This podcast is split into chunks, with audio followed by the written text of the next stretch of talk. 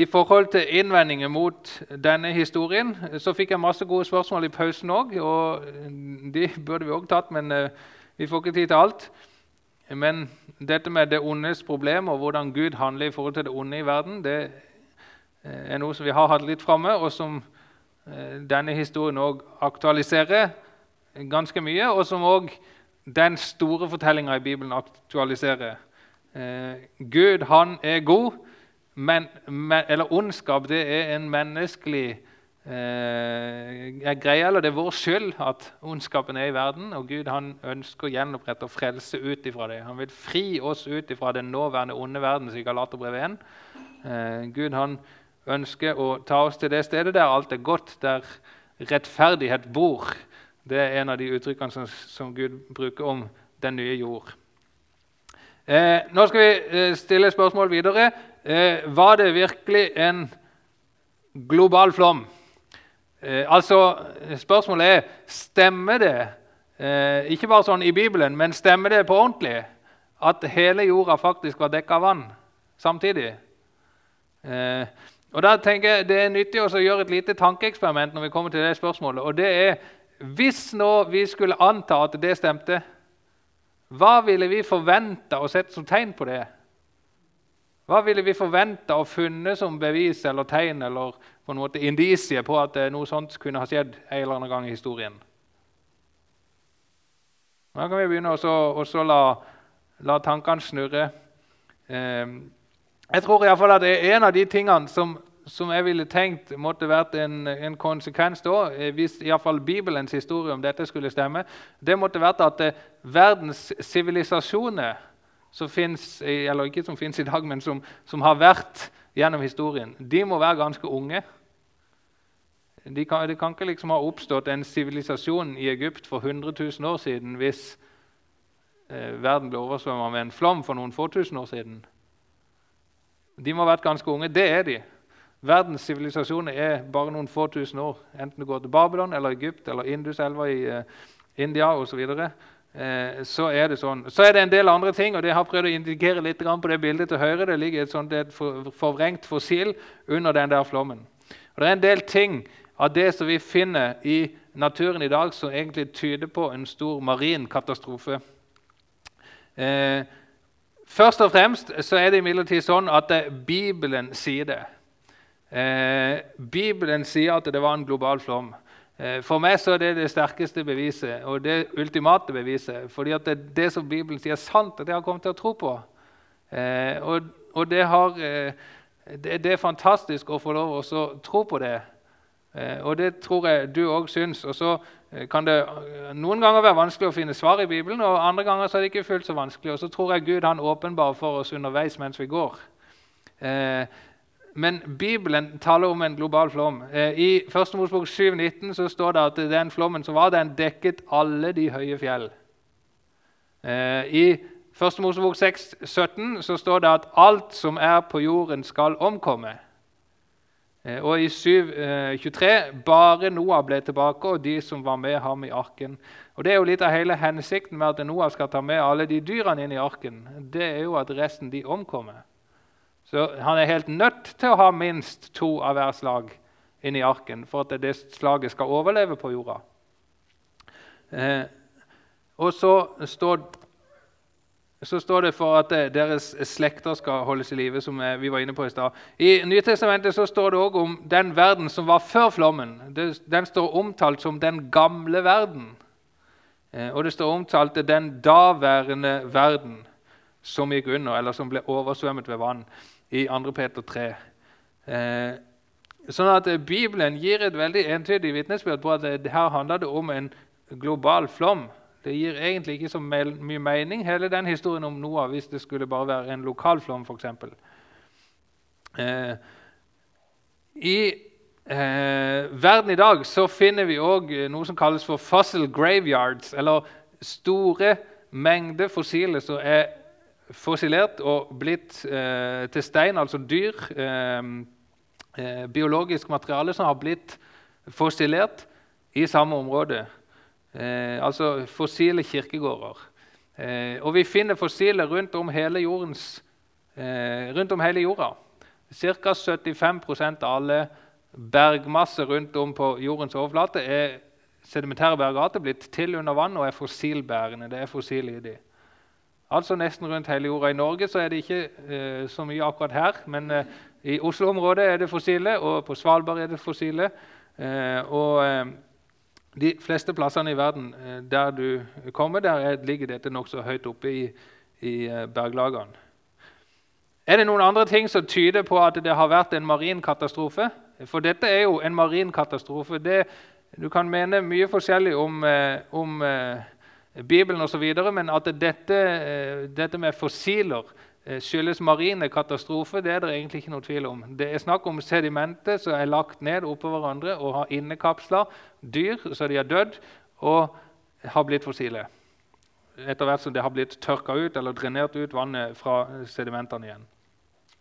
Eh, noen ting her, bare sånne enkle bilder som tyder på Eh, en flom, sånn som Bibelen forteller. Her er det en trestamme som har blitt forsteina på tvers gjennom mange av disse lagene som angivelig skal representere millioner år. Men på en eller annen måte så har denne trestammen og flere sånne trestammer blitt forsteina helt på tvers gjennom alle disse lagene. Og du ser til og med Hvis du ser godt helt nederst der, det som ser ut som ei sånn rot som stikker ut der eh, Noen av de fremste evolusjonstilhengerne i, i Norge eh, innenfor ehm, teologisk evolusjon, eller teologi og evolusjon, eh, de foreslår at, eh, at disse her trestammene her, de skal ha blitt til ved at et frø har falt ned i en sprekk i fjellet, og så har det vokst opp der, og så har det blitt forsteina etter hvert. da. Eh, det ser ikke sånn ut så langt jeg kan se. Et sånt tre ville blitt ganske deformert fra steinen opp igjennom. og Her er det en stamme, og det er mange av de som har blitt forsteina. Og her på tvers av lagene. Eh, her er noe som det finnes veldig mye av. Eh, de aller, aller, aller fleste eh, fossiler det er marine fossiler og, og eh, veldig mye skjell. Eh, som òg gir mening ut ifra Bibelens eh, flomfortelling. Det som er karakteristisk med disse skjellene, her, det er at de er lukka. det kan være tilfeldig. Eh, men det kan òg bety at de var levende begravd. Det er ikke bare et skjell som har dødd, for det som skjer da, er at de åpner seg og så blitt begrava. Eh, men det har blitt mest sannsynlig begravd levende, disse her. Eller det kan tilfeldigvis ha vært lukka det, etter at det døde. Eh, det kan òg skje, selvfølgelig, men veldig mange sånne type ting Eh, og eh, Det finnes mange forskjellige fossiler, f.eks. For en fisk som holder på å spise en annen fisk, en som holder på å føde osv., som er blitt fossilert i nuet, liksom, eh, mens ting skjedde. Denne her det er en blekksprut som har blitt fossilert. Den var på besøk på Naturhistorisk museum i Oslo for noen år siden. Da var det en overskrift i Dagbladet eh, om at denne skulle blitt til en snørrklyse på ett døgn. Du kan sikkert lete opp den artikkelen på Dagbladet. Eh, det er fordi at eh, denne her er et sånn eh, mykt dyr at eh, når den dør, så går den i oppløsning utrolig fort. Eh, men denne blekkspruten den må ha blitt fort begravd. Kommet ganske langt under bakken, så ingen skadedyr kommer ned og, og, og spiser av den eh, blitt satt under trykk, vekk med oksygen osv. Forstillert veldig fort gjennom en marin katastrofe. egentlig. Her har du eh, beinvev, eh, beinmarg fra en T-rex, eh, bein, eh, lårbein. Eh, som er mykt. Du kan gå inn på YouTube og så kan du se video av det der Mary Sveitser som fant dette her for eh, ti år siden ca. Eh, du kan se på video når de drar disse bitene fra hverandre med pinsett, og se hvordan det er mykt og elastisk og spretter tilbake igjen. Eh, de klødde seg i hodet når de fant det der. Hvordan kan det ha forblitt mykt i 65 millioner år? Etterpå det så har de funnet mange sånne når de har brutt opp bein fra dinosaurer.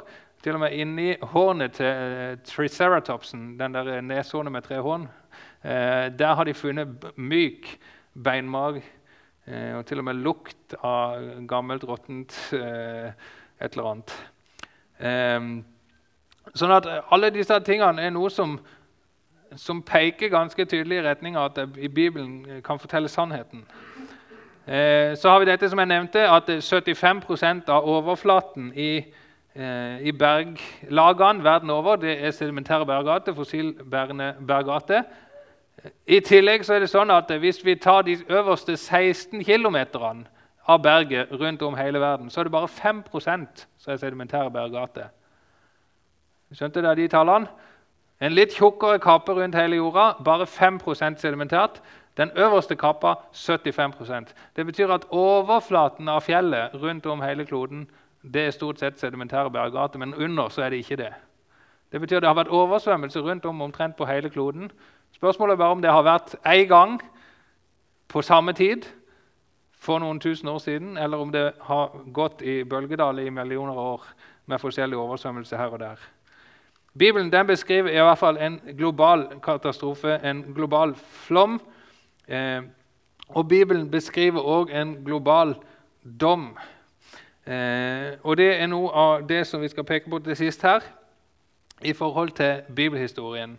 Eh, Noas ark-fortellinga, eh, historien, eh, fungerer også i Bibelen som et forbilde fram mot den dommen som skal komme.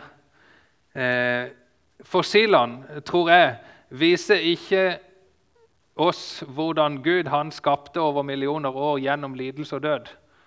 For det du ser i, Det er egentlig bare én ting som er sikkert når det gjelder fossiler, og det er at det er døde dyr. Og det representerer død. Eh, og Bibelen lærer meg at døden kommer inn i verden gjennom syndefallet. Eh, og Det alternative synet må være at Gud han brukte lidelse og død til å skape. Eh, du kan sette det på spissen ved å si at noen av dinosaurene hadde kreft.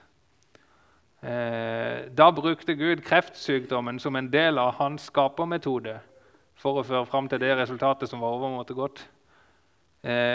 Noen av dinosaurene har òg beinbrudd som har vokst i sammen mens dinosauren levde. Altså, den har litt.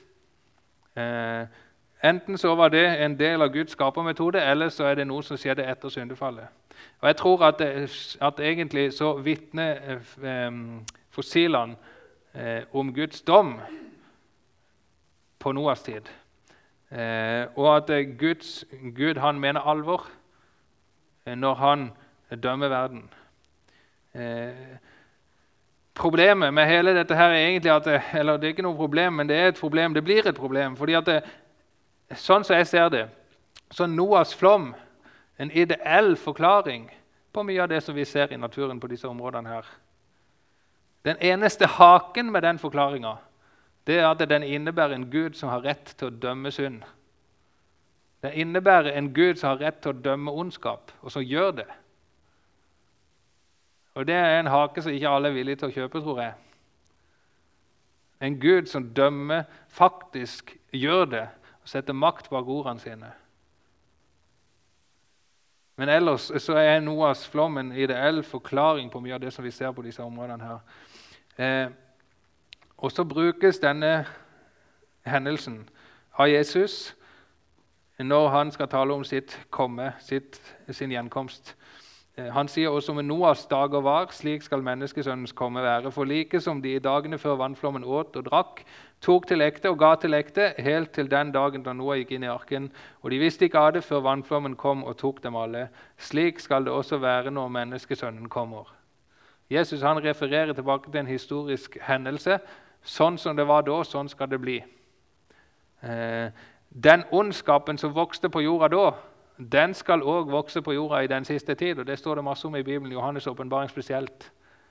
Om at ondskapen skal, ondskapen skal, vokse og bli stor på jorda. Men òg da, som på Noas tid, skal det være en redning, skal det være en frelsesvei, en ark. Og det er Jesus. Det er å ta sin tilflukt til Han. Og Egentlig så gjentar historien seg på en måte. Og Egentlig så tror jeg Gud handler ut fra de samme mønstrene. Han ønsker frelse, og i det lengste ønsker frelse. Men til slutt så kommer dommen over vår verden òg. Jeg har ei bok der ute om endetida, hvis noen er interessert i det. Og jeg skrev på en liten lapp der at i dag så er det to for 400. Eh, da, jeg, jeg, har ikke lov til å selge den, den skapelsesboka så altfor billig, fordi at eh, da utkonkurrerer bokhandlene. Men eh, hvis dere tar to bøker, så kan jeg skru ned på prisen. Og da får de to for 400. Så endetiden og skapelsen det anbefales. Ta den pakka i kveld. Det var dagens reklame. Nå skal vi tilbake til flommen og dommen. På Noas tid da var det ikke alle som trodde på flommen, og de ble ikke med i arken. I vår tid så er det ikke alle som tror på dommen, og de blir ikke frelst. Vi trenger også forkynne, og vi trenger også tro at Gud både har rett til og kommer til å dømme denne verden. Og Det er det vi sier i trosbekjennelsen hver søndag, hvis dere er med å si den. En som skal dømme levende og døde. Og Vi trenger å forkynne at det er en frelse fra den dommen. Ikke fordi at vi er så rettferdige, eller fordi at vi får det til, men fordi at det er én som er rettferdig, den rettferdige. Og fordi at vi finner nåde hos Han, akkurat som Noah gjorde det.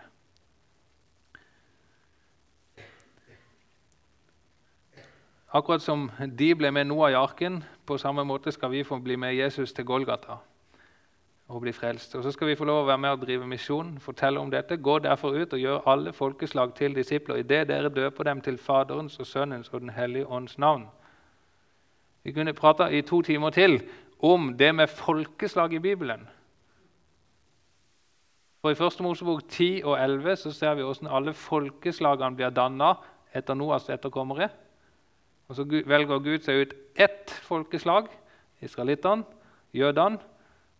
Og Så bruker han det til å bli menneske, komme til det folket. De frastøter han. Evangeliet går ut til alle verdens folkeslag. Til slutt så skal evangeliet komme tilbake til jødene. De òg skal bli frelst og ta del i evangeliet og frelsen. Og så skal Gud skape en ny himmel og en ny jord. Forbildene i disse historiene. En ny jord, en ny skapning og en dåp. Egentlig så brukes hele flomfortellinga i Bibelen som et forbilde på dåpen. Og den er dyp, for å bruke et eh, vannmetaforisk uttrykk. Eh, fordi det er en hel historie på det òg. Faktisk så er det sånn at Gud han handler med jordkloder på en måte gjennom hele verdenshistorien som er prikk lik den måten han handler med oss. Når Gud skapte jorda, så var han under vann. Så kom det tørre land til syne. Vi blir født ut av vann og gjennom vann, sånn som det står om jorda i Bibelen.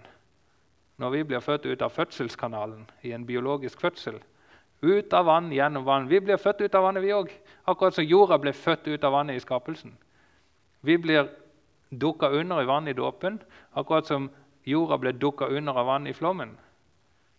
Og En dag så kommer ildens prøve for mennesker. Det står det om i Bibelen. Og det står om at jorden skal få gå ved ild når Gud han skal dømme til slutt.